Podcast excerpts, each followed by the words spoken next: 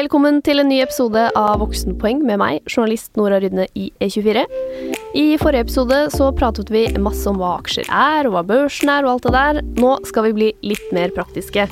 Hvordan begynner du med aksjer, og bør du begynne med aksjer? Er det noen triks du kan lære deg med en gang, og noen du bør unngå?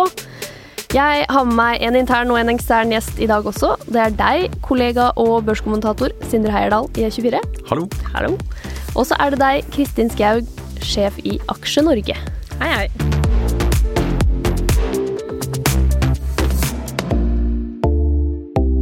Vi begynner eh, med det første spørsmålet jeg stilte meg selv her. Eh, hvem bør spare i enkeltaksjer, sånn fremfor alt det andre man kan spare, i, da? Fond og eh, ja, konto. Ikke en veldig god idé nå, kanskje, men ja. Jeg tenker at uh, Unnskyld. Uh, at det passer for alle. Alle kan spare i aksjer, men det handler om å få litt kunnskap uh, først. Sånn at man vet hva man går inn på. Og det tror jeg det viktigste er at man kan få skaffe seg denne kunnskapen. Men vi har alle kunnskap, for vi liker kanskje Grandiosa, og den er fra Orkla. Og vi spiste kanskje fiskekake fra Lerøy. Eller vi går med joggesko fra Nike. Så vi kan veldig mye mer enn vi tror. Så tenker jeg bruk den kunnskapen, så kan vi alle være med å investere i aksjer. Ja. Er du enig, Sindre? Eller er det noen som kanskje ikke bør by seg ut på enkeltaksjegamet? Altså det er, Man trenger ikke en formue for å begynne med aksjer, men det, det, er en fordel å ha litt penger. For det er jo litt kurtasjer, og, og vi snakker om at man Hva er kurtasje? Helst, det er altså avgiften hver gang man handler, hver gang man kjøper og selger en aksje. Eh, og da er det greit at man har litt penger å putte i det, og også at man har penger nok til å bruke på flere aksjer. Så man diversifiserer, altså at man ikke blir så utsatt om bare om én aksje faller voldsomt.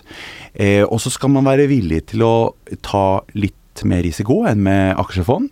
Og så skal man være villig til å bruke litt mer tid og, og, og, og være interessert for å, for å, gå inn i enkeltaksjer. For det krever litt oppfølging.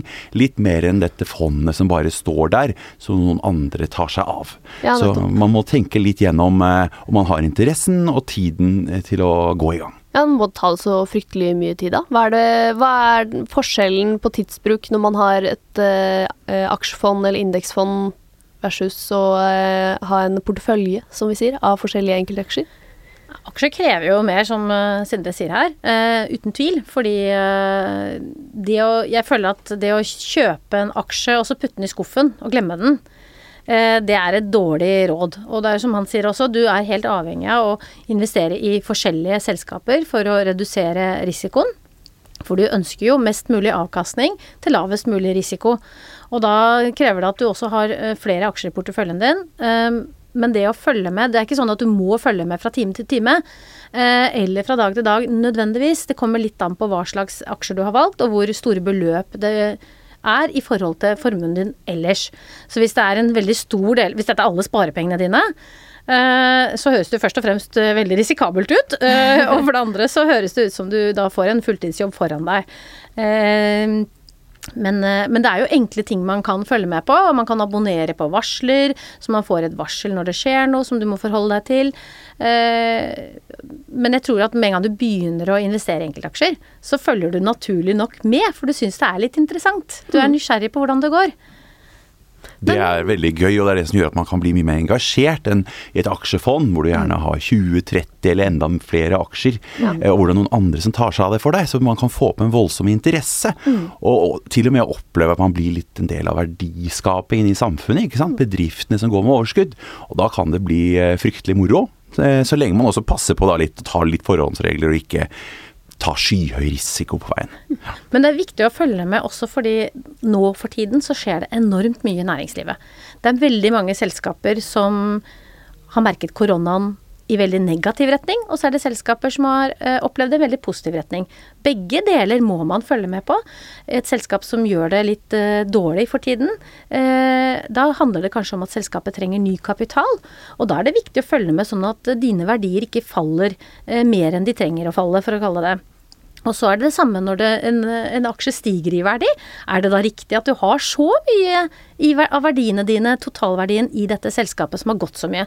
Så det er viktig å følge med eh, selv om eh, ting går bra, men spesielt også fordi vi er i en veldig utfordrende periode akkurat nå. Men hvis du tenker da at du har lyst til å prøve deg fram, og så er du litt usikker på Er du egentlig interessert nok i å følge med og eh, ta del i næringslivet, som du sier, Sindre. Eh, er det et sted man kan begynne uten penger? Kan man, kan man leke eh, aksjeinvestor? Helt klart. Uh, og det blir jo litt skryt av dere Ja. i E24, men uh, jeg det jeg synes jo at uh, aksje-NM er jo en fantastisk mulighet.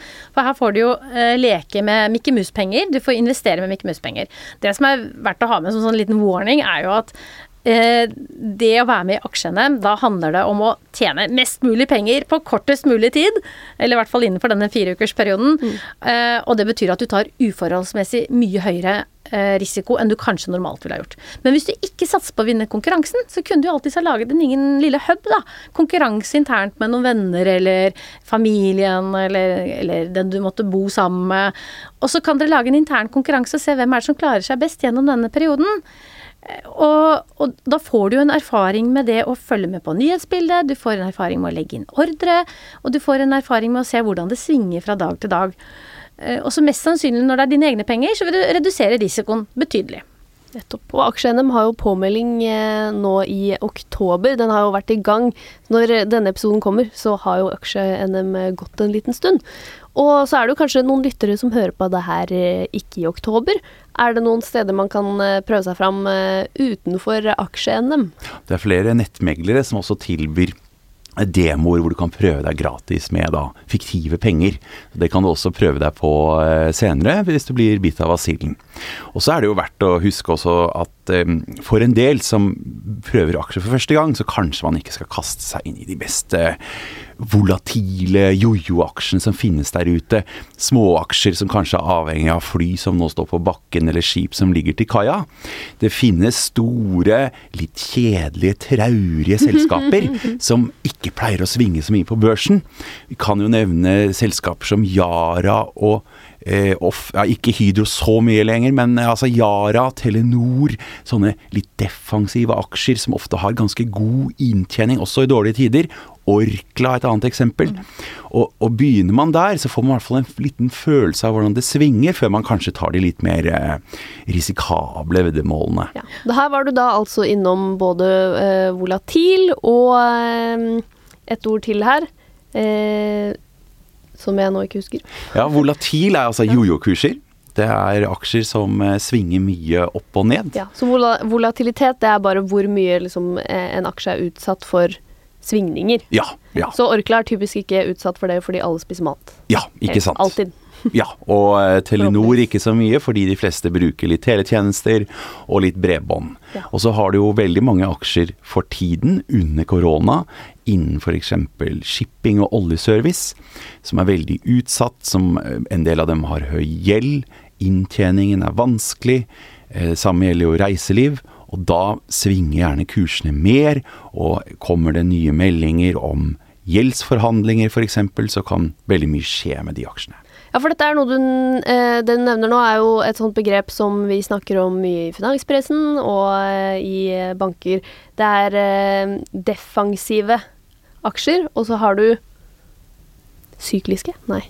Hva er det det heter? Ja, du har sykliske aksjer, og så har du ja, vi har mange fine begreper for Ja. disse tingene, men, men det, det, det du også kan se på er vekstselskaper versus verdiselskaper.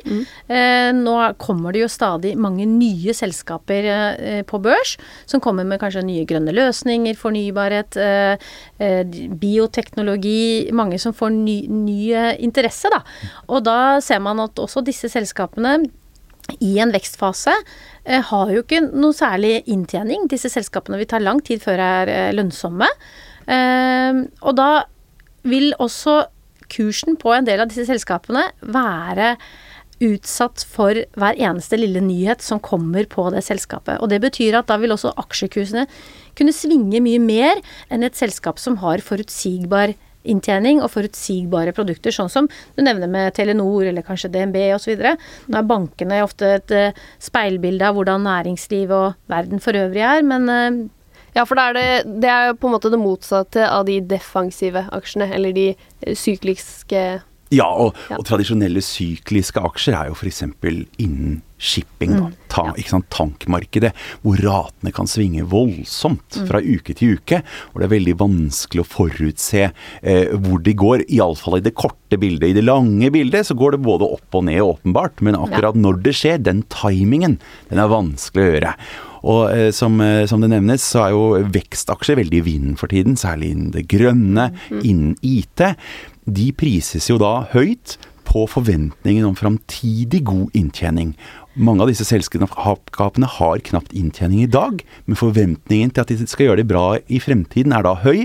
Men det er jo også da risikoen for at det ikke går bra, eller at banebrytende teknologi ikke når igjennom og flopper. Det kan også skje.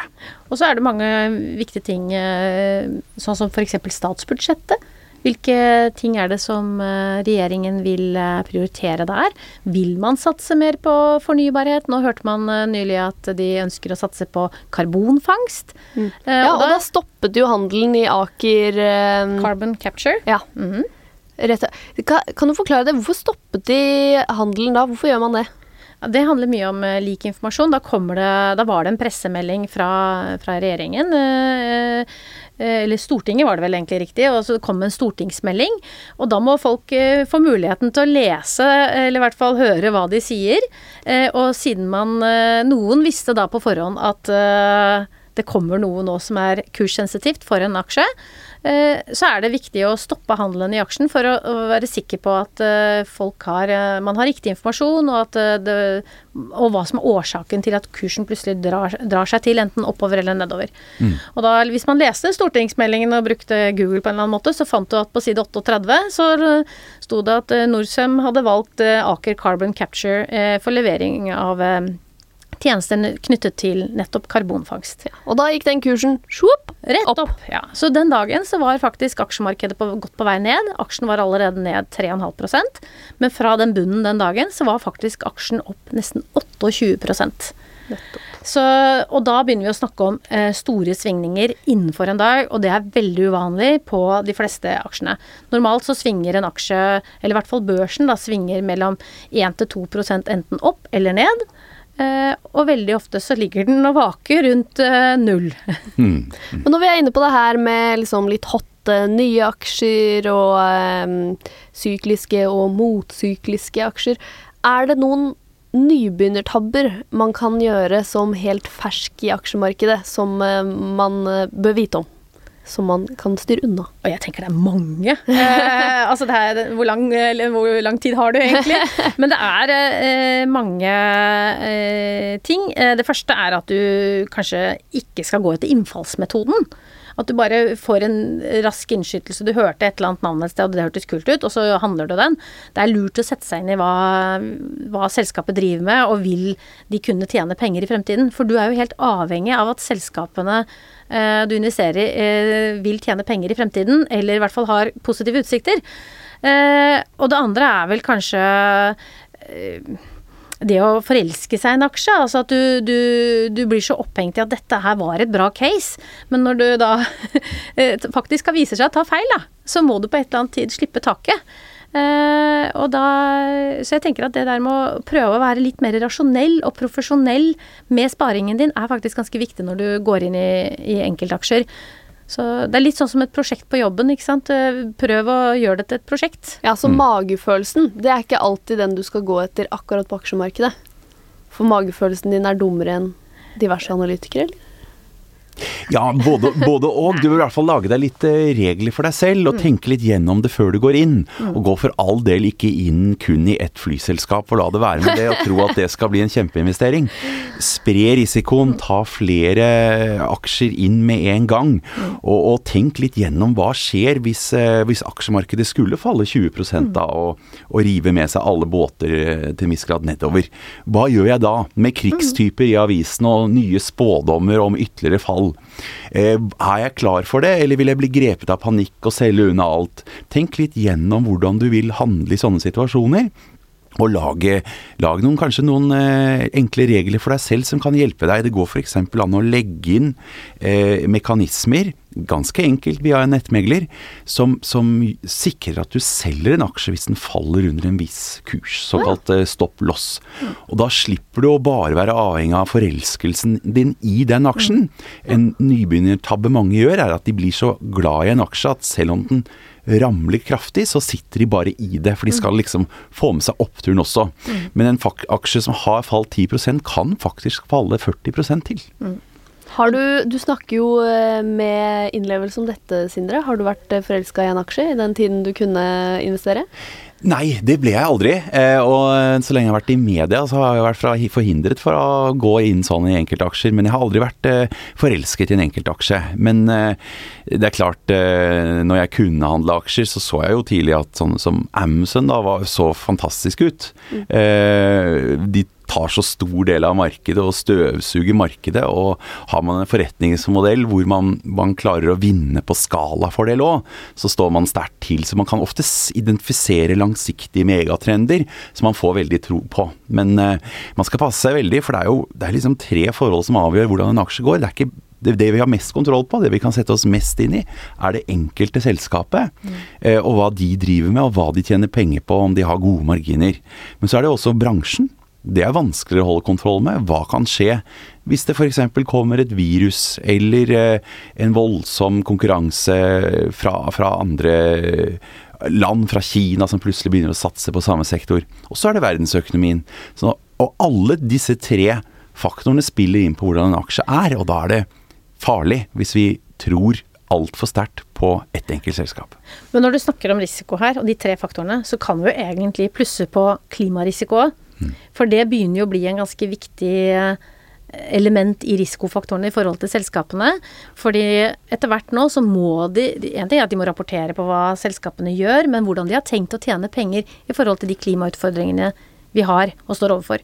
Så du har, du har, et ganske komplekst eh, risikobilde, men det er helt håndterbart å sette seg inn i. Og, og det tror jeg, som du sier også, det gjør, det gjør det litt sånn profesjonelt, gjør det litt rasjonelt. Ikke for mye følelser. Men for å skape litt interesse, så tenker jeg ja, men velg selskaper du har litt tro på, da. Ja, fordi eh, du, har jo, du, har jo, en historie med å ligge våken om natten og tenke på porteføljen din, eh, Kristin. Det har du fortalt meg før. Eh, hadde du noen eh, forelskelser i aksjer? Ja, den gangen så jobbet jeg som trader, så det var jo faktisk jobben min å ta risiko. Men mm. jeg skal love deg, jeg har sovet mange dårlige netter. Eh, og da har man kanskje og da er jo egentlig eh, svaret at jeg har tatt for høy risiko. Ja. Jeg har, eh, og jeg begynner å tvile på om det jeg har gjort er riktig. Og da må man egentlig ta en ny vurdering, og egentlig så burde jeg hatt da på forhånd en plan om ja, men hvis det går dit, hva gjør jeg da? Og, og da hadde jeg, eh, etter hvert som jeg fikk litt erfaring, så hadde jeg jo selvsagt eh, lagt inn stopplåsordre. Eh, og jeg hadde også gjort det samme når aksjen steg. At hvis aksjekursen eller eller renter, som jeg også handlet av veldig mye, eh, eh, steg oppover. Og jeg var, eh, mente at nå har man jo nådd det nivået jeg trodde det skulle, hva gjør jeg nå? Og da satte jeg kanskje en grense Si at kursen har gått fra 100 til 150 kroner, da. Mm. Jeg hadde trodd den bare skulle gå til 140. Hva gjør jeg da? Nå ligger den på 150 da er det lurt å tenke ok, hvis den går ned til 140, skal jeg da selge ut deler av det? Eller skal jeg selge ut alt? Eller skal jeg bare være med på en vei ned videre? For det handler jo litt om å sikre de gevinstene du har etter hvert også.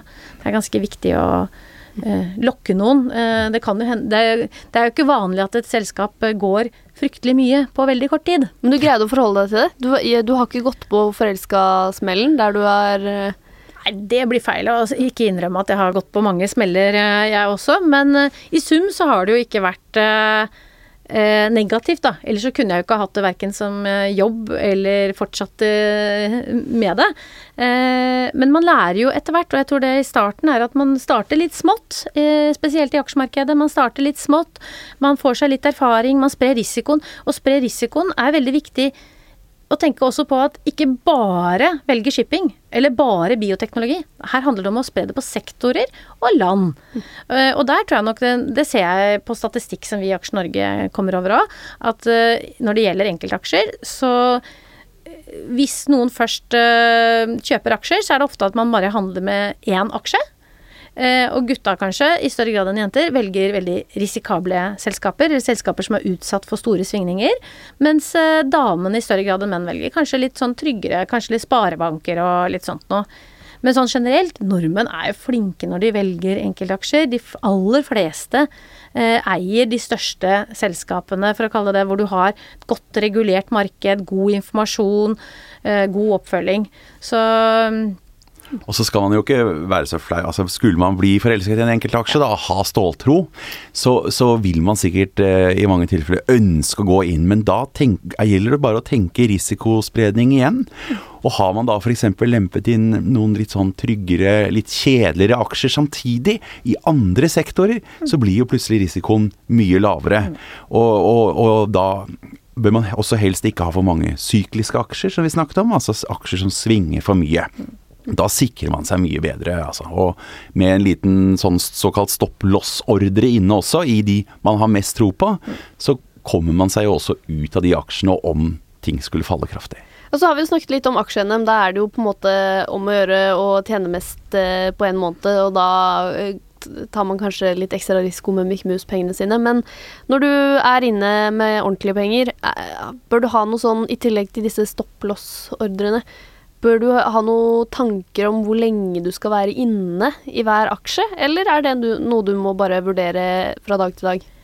Jeg tror sånn generelt, hvis du har en her kommer det et fint uh, ord. Veldiversifisert portefølje. Det betyr at du har valgt litt ulike sektorer og ulike Eller selskap fra ulike sektorer.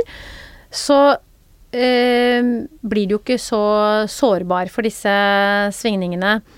Eh, men hvor lenge du skal eie en aksje altså Normalt så pleier man å si at hvis du først skal være i aksjemarkedet, hvis du har bestemt deg for å være i aksjemarkedet, så gjør du det enten eller som en kombinasjon, enten med aksjefond eller med enkeltaksjer f.eks. Og hvis du har allerede veldig mye fond, så er de ofte sparing som du beholder i 5-10-15 år, og da bytter du kanskje ikke så ofte, for de er investert i fryktelig mange forskjellige selskaper. Men når det gjelder enkeltselskaper, så er det viktig å følge med på om rammebetingelsene fortsatt er til stede for at dette er en god investering. Eh, det er jo mange selskaper på børs som har vært kjempebra og levert gode resultater i mange tiår. Eh, men hvor nå rammebetingelsene er helt endret for å ha suksess i fremtiden. Og det må man følge litt med på, ta følge på om er det selskapet jeg har investert i her, er det, er det noe som vil tjene penger i tiden som kommer, eller er de flinke til å omstille seg en ny, en ny hverdag, da. Ja, Så det er ikke noe regel på tidshorisont? Nei, eh, men eh, når det gjelder aksjefond generelt, altså har man fra tre til fem års horisont, så vil det som regel gå veldig fint. Fordi vi ser jo også ved finanskriser, ved børsfall, så henter børsene seg inn igjen i løpet av noen år. Med aksjer så blir det jo litt annet game. Eh, da er man jo gjerne mer tett på, man følger det tettere. Og har man da etablert en aksjesparekonto, så slipper man også skatte av gevinster, og for så vidt tap, løpende. Eh, og kan da mer reinvestere pengene. Så det kan være en fin måte for å sikre litt, eh, litt langsiktighet, selv når man går litt inn og ut av aksjer, da. Da tar vi spalta vår eh, der dere skal fortelle om kjepphestene deres, folkens.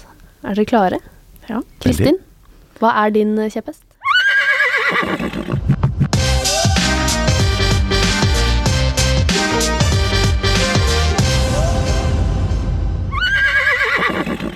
Jeg tenker at eh, du trenger verken å være millionær eller ha mastergrad i finans for å kunne spare i aksjer og aksjefond. Bra. Du kan begynne smått. Du må ikke handle Kommer langt med en hundrelapp. Ja. Sindre, din kjepphest? Spar jevnlig. Vi snakker jo også her til lyttere som har mange år igjen før de blir pensjonister. Så selv ganske små månedlige beløper blir store etter hvert. Og ikke vær så besatt av avkastningen, for den vil bølge litt fram og tilbake, altså hvor mye pengene vokser. Men hvis du setter inn et jevnlig beløp, så blir det mye etter hvert. Og det er en fantastisk effekt med det såkalte rentes rente, at pengene bare baller på seg og blir store og fine hvis du har inn faste sparetrekk f.eks. fra kontoen din. Og da blir det også mye lettere med andre utgifter, hvis det trekkes f.eks. da rett etter lønning, så har du da restbeløpet som du må leve på, og så kan disse sparepengene ligge og kose seg og vokse for deg.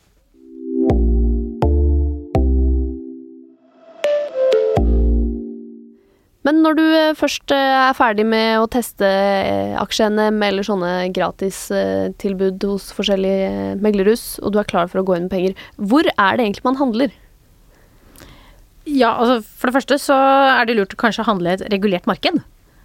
Ja. Og det betyr at du handler på en børs hvor det er, stilles krav til de selskapene som er notert på børsen, eh, om at de rapporterer med halvårlige rapporter, eh, at de forteller eh, hvis de har endringer eh, i forutsetningene, altså at eh, hvis det viser seg at salget er mye bedre enn de har guidet på f.eks., at da må de si fra om det til alle, og ikke bare deres nærmeste venner eller de som sitter i organisasjonen.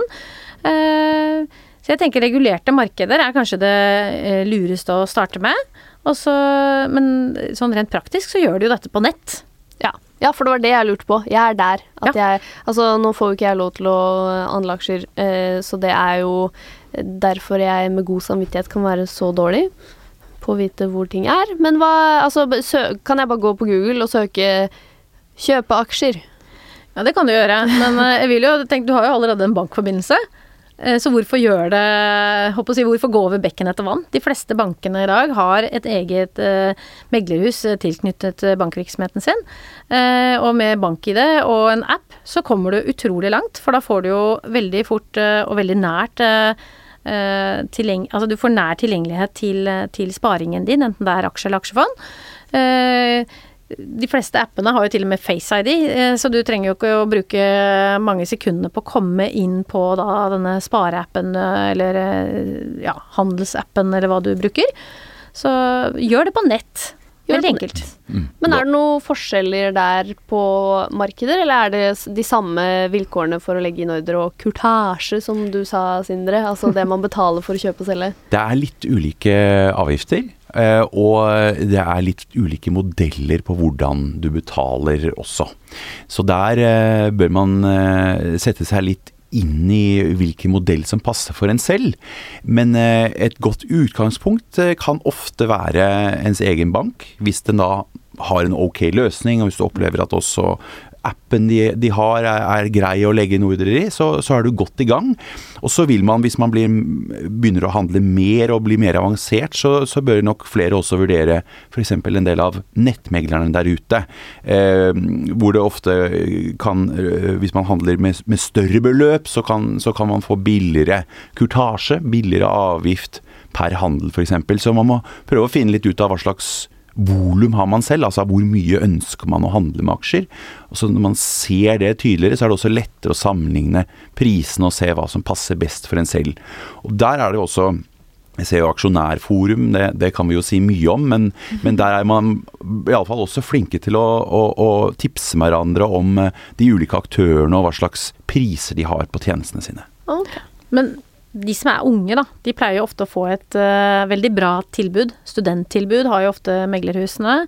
Uh, de har gjerne en sånn oppstartstilbud de første tre månedene. Men det som du sier her, er superviktig. ikke sant? Det med kurtasje. Hvor mye du betaler for å handle. For hver gang du kjøper og selger en aksje, så betaler du et gebyr. Og det gebyret er egentlig en prosentsats av hva du investerer for. Men hvis eh, de prosentsatsene er ofte fryktelig, fryktelig lave, eh, og da høres det ut som du kanskje skal betale 40 øre eller 50 øre og sånt for, eh, for handelen, hvis du bare handler med småbeløp. Men faktum er jo at meglerhusene har jo kostnader forbundet med dette, børsavgifter og lignende, så da setter de en minstekurtasje som du må betale uansett hvor små beløp du handler for.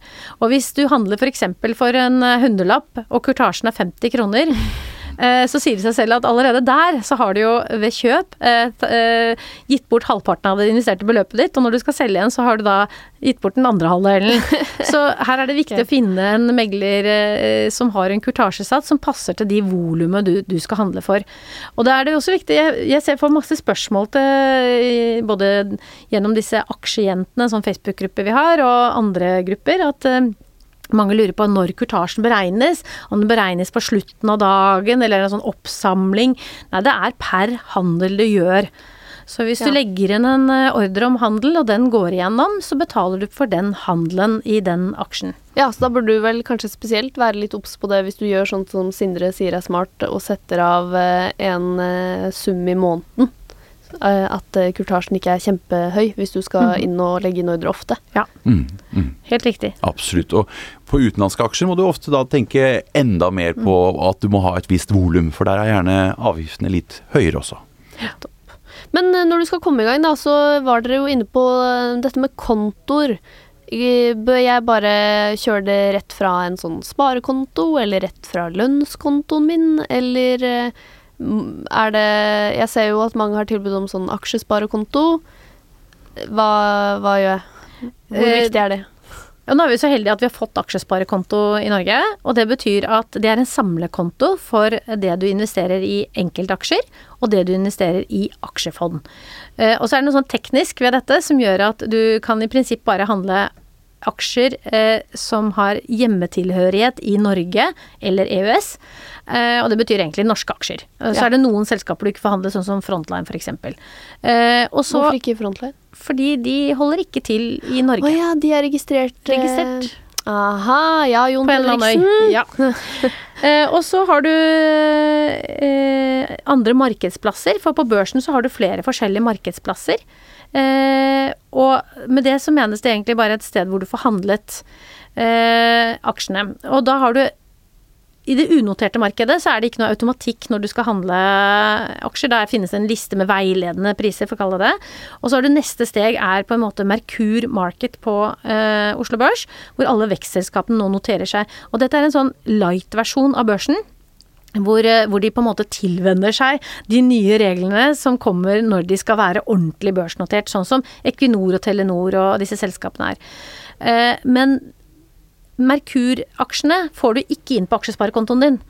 Og det vet jeg er mange som lurer på, for de går inn på nettet, og så skal de handle aksjer, så får de beskjed om at de får ikke handlet. Og så oppdager de ja, men jeg har jo penger på konto, hvorfor får jeg ikke kjøpt den aksjen?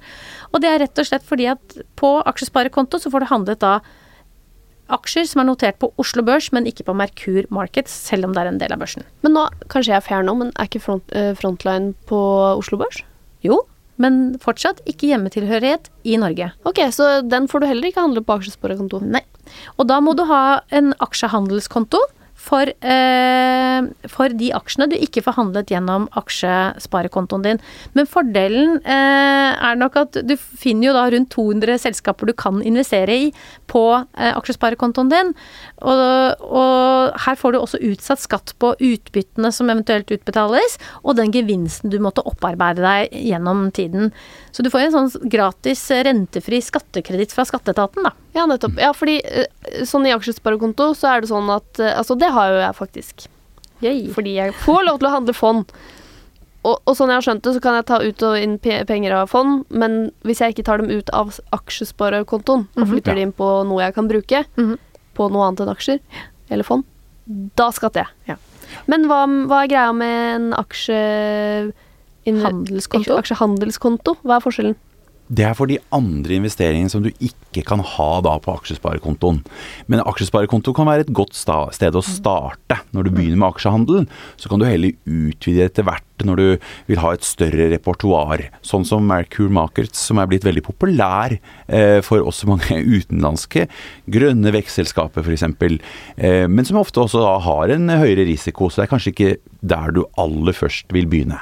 Men, eh, men det er mange spennende oppsidemuligheter også med, med de mindre markedsplassene, og en aksje som f.eks. med tid og stunder lempes fra Mercure Market og over på hovedlisten, kan ofte få vind i seilene. Ja. Annet ved at flere kan handle dem, og at også fond tar dem opp til mer eh, reell vurdering. Nettopp. Eh, men ok, eh, så den eh, aksjehandelskontoen, der vil du ikke få den der Altså der blir det skattet hvor ofte? Hvert år? Ja, det er Etter hvert som du selger Altså hvis du kjøper en, eh, en, eh, en Frontline-aksje da, i januar og selger den i februar, eh, og du kanskje kjøper en annen aksje i desember, eh, kanskje på nytt Frontline, eh, kjøp og salg, så vil man ved årsskiftet eh, telle etter hvor mange ganger eh, kjøp, eller hvor mye du kjøpte du Frontline for i løpet av året, og, og hva var gevinsten din på salgene. De, realis, altså, de realiserte eh, gevinstene dine. Ja, Så det kommer på skatteberegningen en gang i året. Den vil du se Ja. på skattemeldingen din da. Nå har vi nevnt Frontline så mange ganger at nå må jeg bare nevne at det er Jon Fredriksens eh, Ja, det er Jon shippingselskap. Fredriks. Ja. Ja, Men- for men- å få unnagjort det. Men det som er viktig å vite med aksjesparekonto, det er at når du trykker på knappen i banken din, eh, at du vil ha en aksjesparekonto, så får, etableres det automatisk tre kontoer for deg. Den ene kontoen kalles en aksjesparekonto eh, for aksjehandel, og så får du ofte en slags form for fondshandelskonto der, og så får du en bankkonto. Og her er det viktig å ha med seg at den bankkontoen har man ikke lov til å få renter på. Så banken har ikke lov å gi deg renter der. Så hvis du har puttet eh, Og det skjer heller ikke noe automatisk. Hvis du bare putter inn 100 000 kroner på aksjehandelskontoen din, så må du selv velge hva du skal investere i. Jeg har også fått spørsmål om det av noen som sier at ja, det har ikke skjedd noe der. Eh, og satt inn penger. Eh, og da er det viktig å vite at man må selv gjøre noen proaktive valg for sparingen sin. Og hvis du skal ha, ikke investere i aksjer og aksjefond, så er det jo veldig dumt å ha pengene stående på den kontoen. Ja, for det er ingen rente, det. der er det ingen rente. Hele motivasjonen fra aksjehandelskontoen, nei, aksjesparekonto, det handler om å få penger i arbeid. Det er derfor man har godtatt å lage denne type skatteutsettingen. Ja, Så aksjekontoen er bare en slags sånn eh, mellomlandingsplass. Du skal ha dem der, og så skal de ut igjen. Og inn igjen og ut igjen av fond og aksjer. Og så Ja, for du har en aksje, aksjesparekontoen har som sagt tre underkontoer. Ja. Og den eh, aksjehandelskontoen du har inni der, den er koblet til aksjesparekontoen. Men hvis du vil handle svenske aksjer eller amerikanske aksjer eller aksjer som ikke Merkur-aksjer, som ikke kan være på aksjesparekontoen, så må du ha en aksjehandelskonto. Og så finnes det ulike aksjehandelskontoer med ulike navn hos de forskjellige nettmeglerne og de forskjellige bankene, bare for å ja, gjøre det komplett eh, umulig omtrent, og sammenligne veldig enkelt. Ja, nettopp. Ja, men så greit. Ja, men ikke sant, hvis jeg selger en aksje, Mhm. så kan jeg bestemme at eh, jeg vil ha det jeg har tjent på å selge den aksjen, inn på aksjesparekontoen min, sånn at jeg kan investere det i et annet selskap, og ikke inn på brukskontoen min, for da det jeg havner skatte. automatisk der. Det så det du har puttet inn i aksjesparekontouniverset ditt, det blir inni der inntil du proaktivt selv tar det ut derfra. Mm. Det er viktig å ha med seg. Ja. Og ikke, være, ikke, ikke bli desperat om det står penger der en liten stund. Nei. Det er ekstremt lave renter på, på sparekontoene for Ja. tiden. Så Ja. ta et trekk fra lønnskonto eller sparekonto, la det stå der litt til du føler timingen er riktig. Men ikke la de eh, stå lenge og, og helt i fred på aksjesparekontoen. Men eh, så har jeg penger der, da. Eh, hvordan skal jeg finne ut hva jeg skal kjøpe? Det er jo altså da 200 forskjellige aksjer eh, som står der som jeg kan investere i på Oslo Børs fra denne aksjesparekontoen, da. Hva, hvordan skal jeg velge? Det er mange måter å starte på. Det enkleste er å følge en anbefalt uh, ukesportefølje eller månedsportefølje. Alle meglerhusene har en uh, sånn kortsiktig anbefaling ofte, hvor de sier hvilke aksjer de tror på i den nærmeste tiden.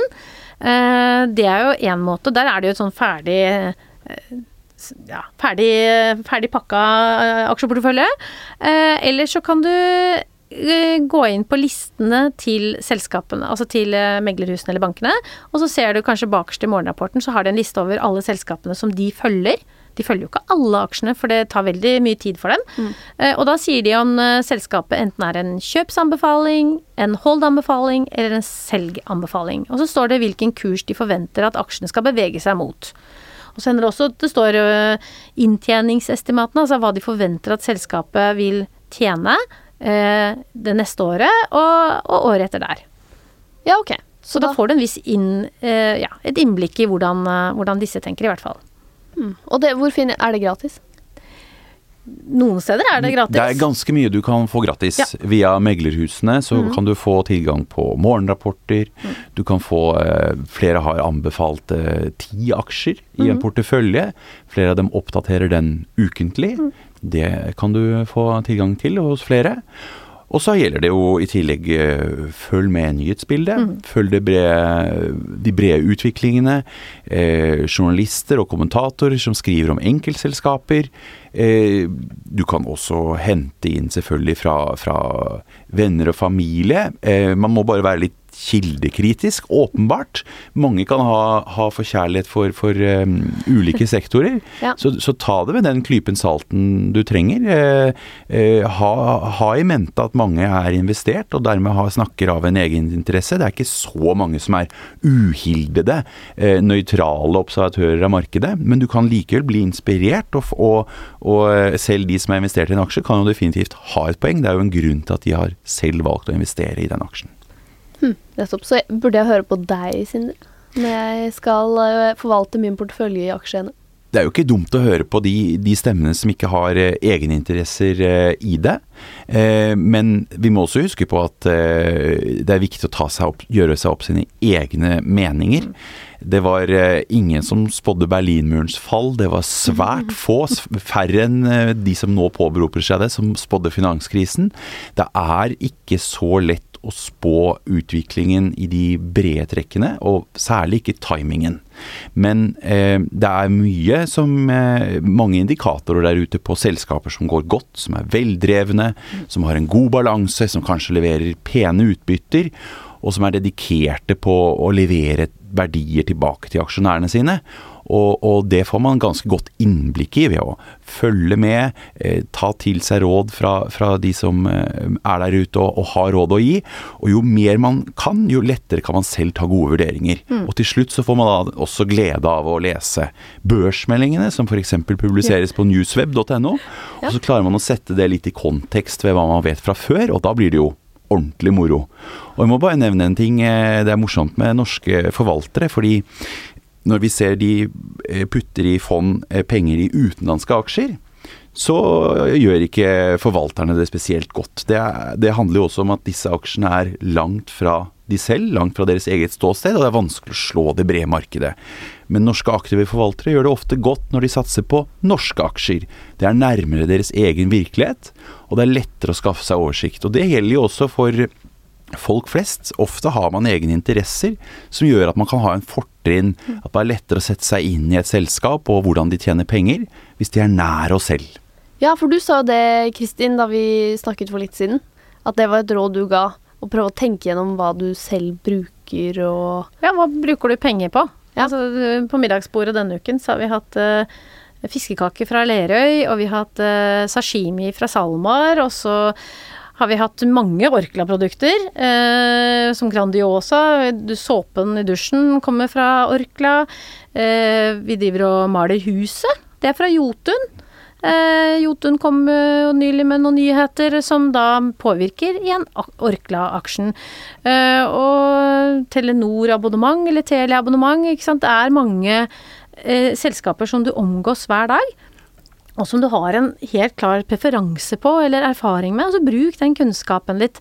Men det er også det å håpe å si, Nå skulle man jo nesten ha skaffet seg venner fra ulike sektorer, da. Så du får gå rundt og finne deg litt nye venner fra ulike bransjer, få litt innsikt. Men, men det handler jo også litt om å lytte til, som du sier, eh, Sindre, lytte til eksperter.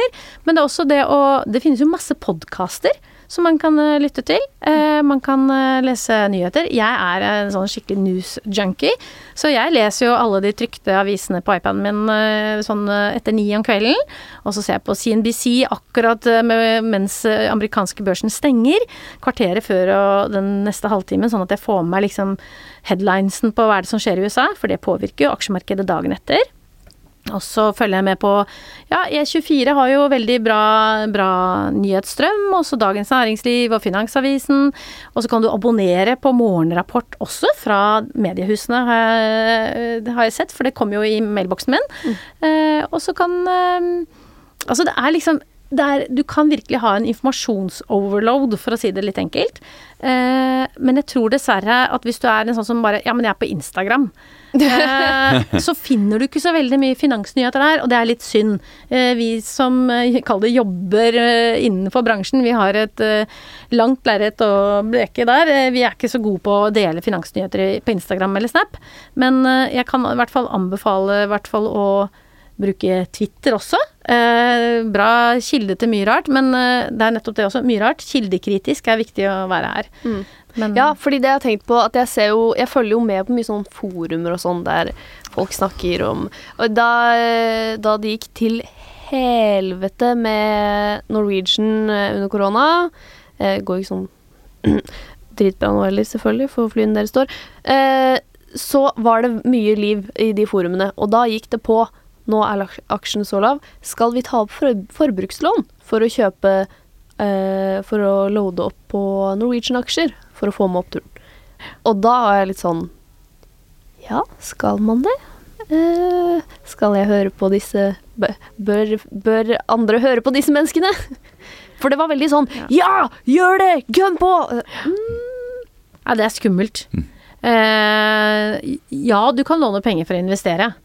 Men eh, ikke forbrukslån, ikke kredittkort. eh, og, og, og, og det med belåning i forhold til eh, aksjeinvesteringer, det er for de virkelig profesjonelle. De som allerede har veldig mye, men kanskje nedsyltet i eiendom eller den type ting. Eh, det å låne penger for å investere i aksjemarkedet. Tenk, tenk deg hvilken eh, For det første, så forbruksgjeld er jo en veldig dyr dyr gjeld.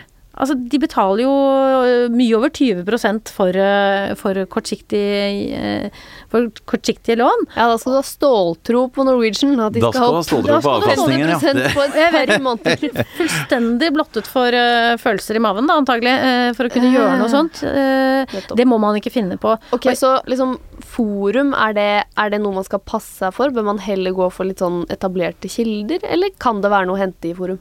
Det selvfølgelig kan det være noe å hente. De kan jo fange opp spennende trigger i en aksje, ikke sant, som kan drive fram utviklingen. Men man må være kildekritisk på det, og de fleste har en egeninteresse i et forum. Og det kan jo lett bli en litt sånn opphauset stemning på enkelte aksjer.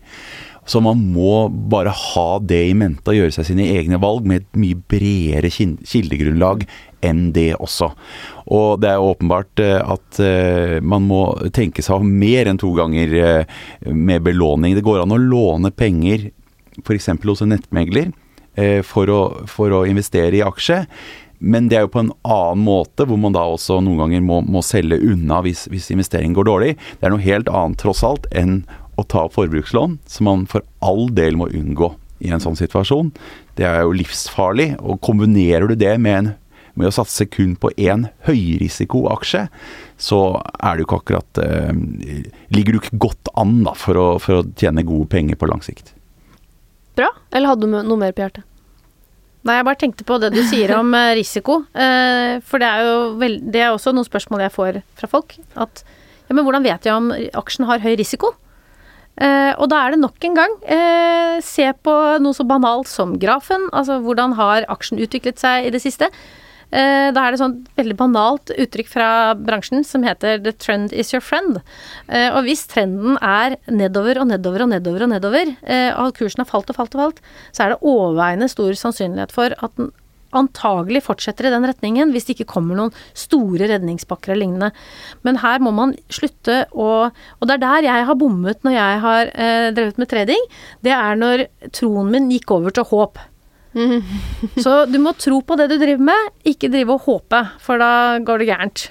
Mm. Og så er det jo noen eh, varselsignaler da, hvis det er eh, veldig mye gjeld. Og en aksje er avhengig av reforhandlinger av den gjelden, f.eks. Så er det åpenbart at det er faresignaler.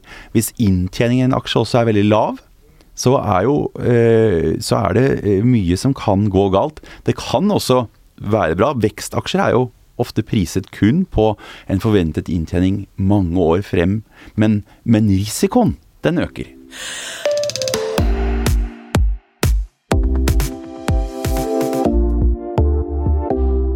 Ok, enkeltaksjer, nybegynner, oppsummert. Forsøksvis. Du kan altså øve uten penger, eh, aksje-NM f.eks., men det finnes jo også mange andre steder eh, hos eh, meglere som du kan eh, få sjekke ut om eh, aksjehandel er noe for deg. Og så, når du eh, er klar, da, så kan du eh, finne en plattform og begynne å handle med penger. Sindre nevner jo her at det kan være smart å sette av en sum hver måned som du kan bruke på aksjehandel, men husk, du betaler kurtasje, altså en avgift, hver gang du handler. Eh, og ikke bare på selve summen du bruker. Så sjekk hvilke avgift du betaler på den plattformen du velger å bruke, sånn at du vet at den passer deg, og hvordan du skal handle, da. Du bør først opprette en aksjesparekonto. Der kan du handle aksjer innenfor den kontoen som du ikke skatter av før du tar ut utbytte, altså ta penger ut av aksjesparekontoen og inn på f.eks. en brukskonto. Um, og da kan du handle innenfor Oslo Børs og aksjer som er registrert i Norge, og ikke på den norske eh, vekstbørsen Merkur. Så det må du passe på. Men det finnes jo mye selskaper der, da. Når du føler du har litt mer kontroll, så kan du vurdere å opprette en aksjehandelskonto, og da kan du handle hva du vil. Men det er jo ofte litt mer risiko, da. Og så er det ikke de samme skattefordelene.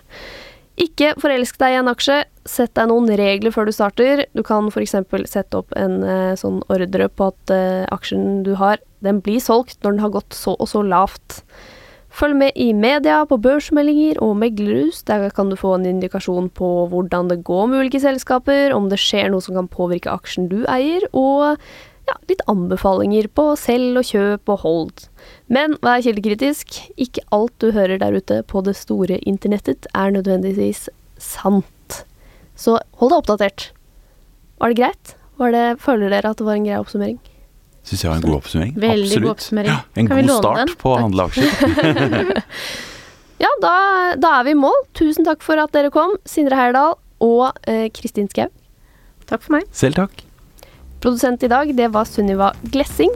Og så må du huske at eh, du kan følge oss på Insta. Det ville jeg gjort. Jeg følger meg selv på Instagram der. der heter vi Voksenpoeng med Nora.